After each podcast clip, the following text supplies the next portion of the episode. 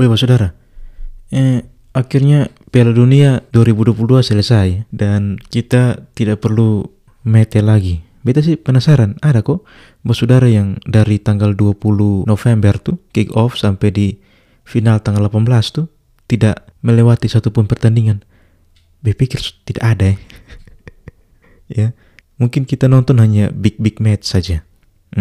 Nah, meskipun sudah berakhir bos saudara, tapi momen-momen Piala Dunia ini nampaknya masih hangat untuk kita goreng. Nah,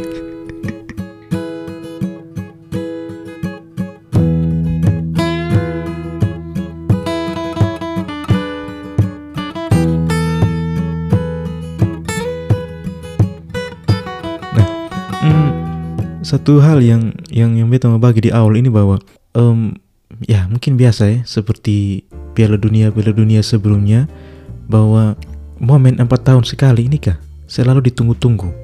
Bahkan untuk orang yang tidak hobi bola sekalipun, ya, kayak misalkan kami nih yang tiap minggu nonton bola nih kah, kalah lagi dengan ibu-ibu yang kaget di tempat kerja sudah omong, oh saya dukung ini, saya dukung ini. Wah, bingung juga nih. Kalau di musim liga atau yang lain tidak ada yang ngomong bola, tapi kalau Piala Dunia semuanya pintar ngomong bola. ya di mana mana bicara bola di meja kopi bicara bola di tempat kerja ibu-ibu yang selama ini mungkin hanya sibuk bicara namanya eh kaget bicara bola juga. Oke tidak sampai di situ bos saudara. Bukan hanya ibu-ibu yang kemudian bicara tentang bola. Um, ada satu ini kurang tahu dia ini profesor atau apa dari Oxford University ya. Tepatnya namanya Wolfsin Center for Mathematical Biology Footballing Procrastination agak ribet. Nah namanya Matem Mathematical Institute yang di Oxford University ini penelitinya namanya Joshua Bull. Oh, beta baca prediksinya beliau itu setelah kick off tanggal 18 siang kalau tidak salah. Um, dia ini membuat pemodelan untuk siapa sih yang menang Piala Dunia, bos saudara. Kan prediksi beliau ini tersebar di berbagai macam grup WA, jadi kita penasaran ini maksudnya apa? Eh, ini orang yang melakukan pemodelan untuk siapa yang juara Piala Dunia.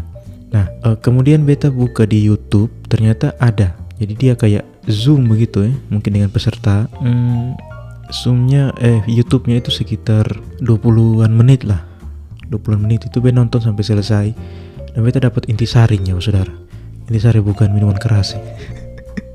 Jadi, hmm, secara sederhana, dia mensimulasikan semua pertandingan, kemudian menuliskan pemenang di setiap simulasi itu, kemudian dia ulangi. Nah, yang kita baca tuh, beliau ini menggunakan ya matematika ya, peluang. Nah, yang dia pakai tuh expected goal, bos saudara, atau dia singkat XG untuk memprediksi berapa gol yang bisa diciptakan dalam pertandingan. Nah, nilai XG ini dihitung berdasarkan uh, dihitung kemudian di apa namanya di cross check eh di crossover dengan presentasi per pertandingan. Mm -mm. Pertanyaannya bagaimana beliau menilai setiap kontestan di Piala Dunia ini ya.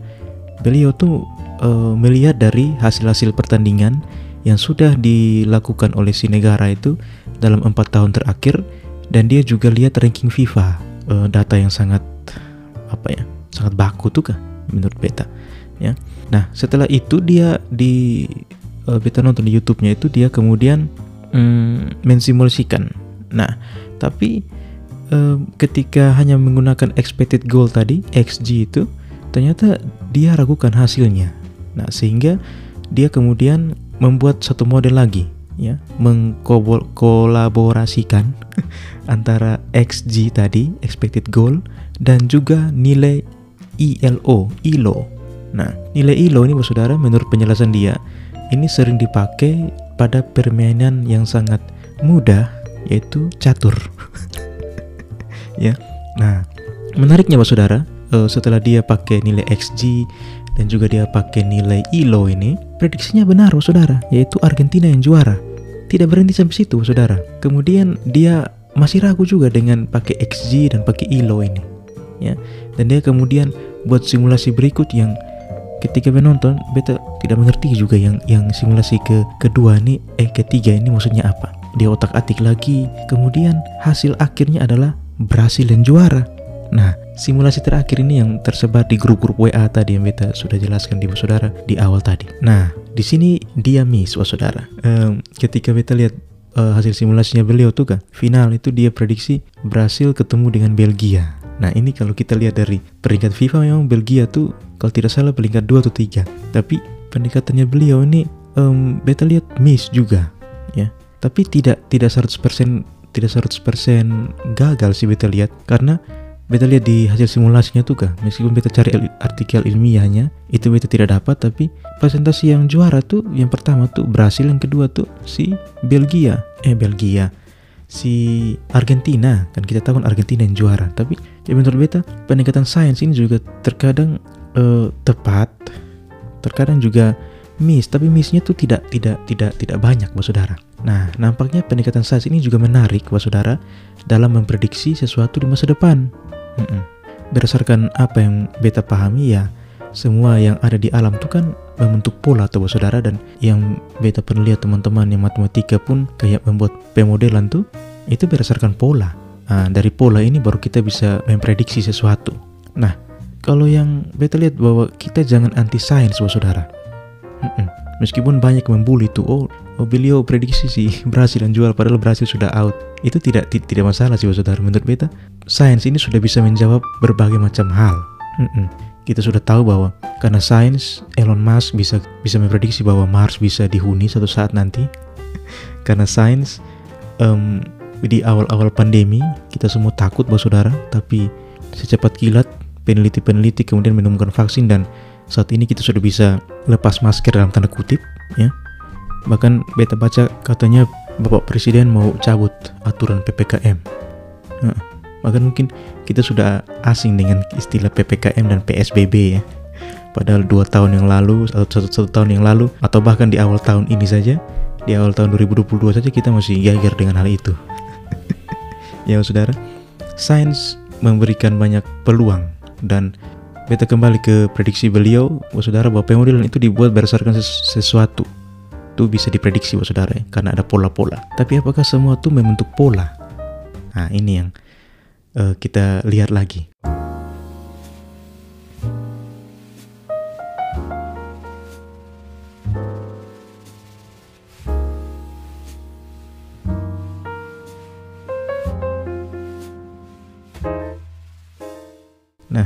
Dalam berbagai macam hal, Bapak Saudara, tidak semua hal itu membentuk pola. Nah, ketika sesuatu terjadi di luar pola, maka itu yang kita sebut sebagai sebuah keanehan, Bapak Saudara.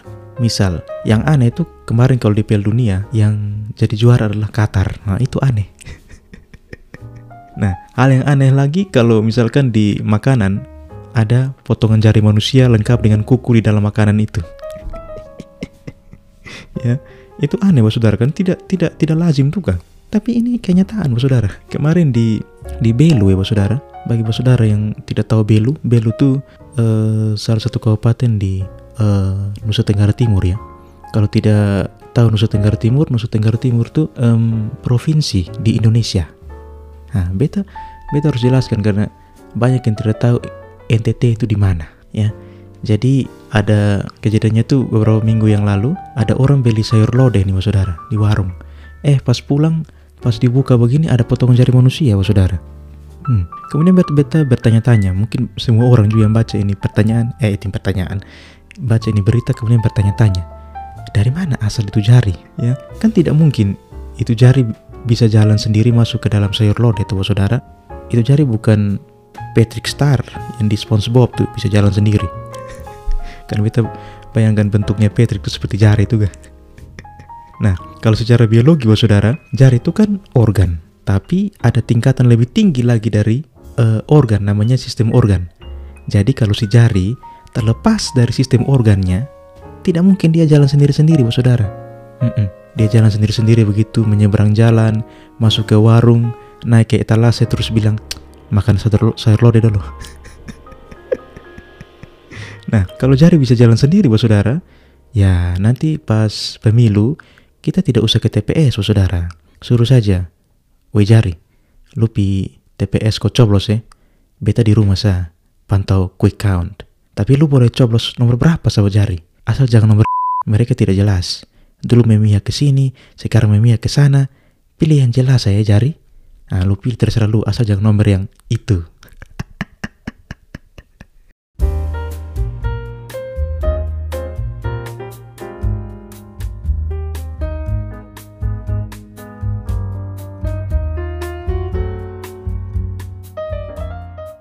Baik, Bapak Saudara. Dari pola, kita bisa memprediksi segala sesuatu. Dan kalau kita bicara pola, Bapak Saudara, pola itu semakin beragam, semakin bagus, Bapak Saudara. Artinya, kalau kita bicara pola hidup sehari-hari ya, usahakan kita punya pola hidup itu jangan monoton. Bangun, mandi, sarapan, berak, kerja, omong nama orang, gosip, pulang, dan terulang lagi. Tapi yang dengar podcast ini, beta yakin tidak seperti itu. Tidak salah saudara, karena pola hidup yang monoton itu beta baca kemarin ada ini ada survei dari bukan survei dari PT ini tapi PT ini memaparkan data bahwa orang Indonesia tuh melakukan perjalanan hanya 2,6 kali setahun mas saudara. Ini dari PT Aviasi Pariwisata Indonesia alias orang Indonesia tuh kurang piknik. Nah ini kalau kurang piknik ini kan salah satu judul lagunya Jamrut ya, kurang piknik.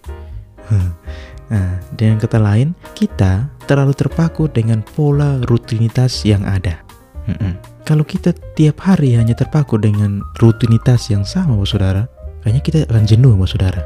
Nah, tapi yang kalau kita ngomong soal jenuh nih, bos saudara, jenuh ini bukan hanya bisa dialami oleh manusia.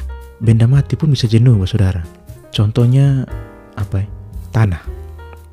Tanah nih kak dari tahun ke tahun kalau lu hanya tanam padi, padi, padi, apalagi kalau tanpa istirahat, eh sabar. Kalau di NTT itu lebih cocok tanam jagung, jagung, jagung, tanah akan jenuh juga. Belum lagi kalau mau hasil yang maksimal, lu kasih pupuk yang input pertanian, input kimia yang tinggi. Akhirnya satu saat tanah bilang begini, beta su jenuh, we jagung, lu saja kok tidak ada yang lain kok. Nah, tanah jenuh, bos saudara. Tapi kalau kita lihat, bos saudara, karena kita bicara soal padi jagung tadi, profesi paling enak tuh menurut beta petani, bos saudara. Makanya ada lagu Piknik di Kobong. Mungkin generasi yang ini tidak tahu lagu Piknik di Kobong. Coba lu ketik di YouTube atau di Spotify mungkin ada lagu Piknik di Kobong. Hmm. Jadi petani itu bisa kerja sambil piknik, bos saudara. Kurang enak apa coba itu? Saking enaknya, bos saudara, petani itu duduk di dia punya pondok saja di kebun tuh itu banyak didatangi orang tuh saudara. Orangnya apa? Orang-orang yang menawarkan program. Hmm. Beta pernah uh, survei, eh bukan survei, beta pernah melakukan sensus uh, dan sensus itu kan beta datangi di um, pondok-pondoknya petani begitu. Satu saat beta datang di satu pondok, nah ketika beta masuk ke dalam rumahnya, ke dalam pondoknya itu, beta belum belum omong apa-apa. Bapak tuh bilang begini, ada program baru kok kakak. Jadi petani itu sudah terbiasa dengan program, Pak Saudara.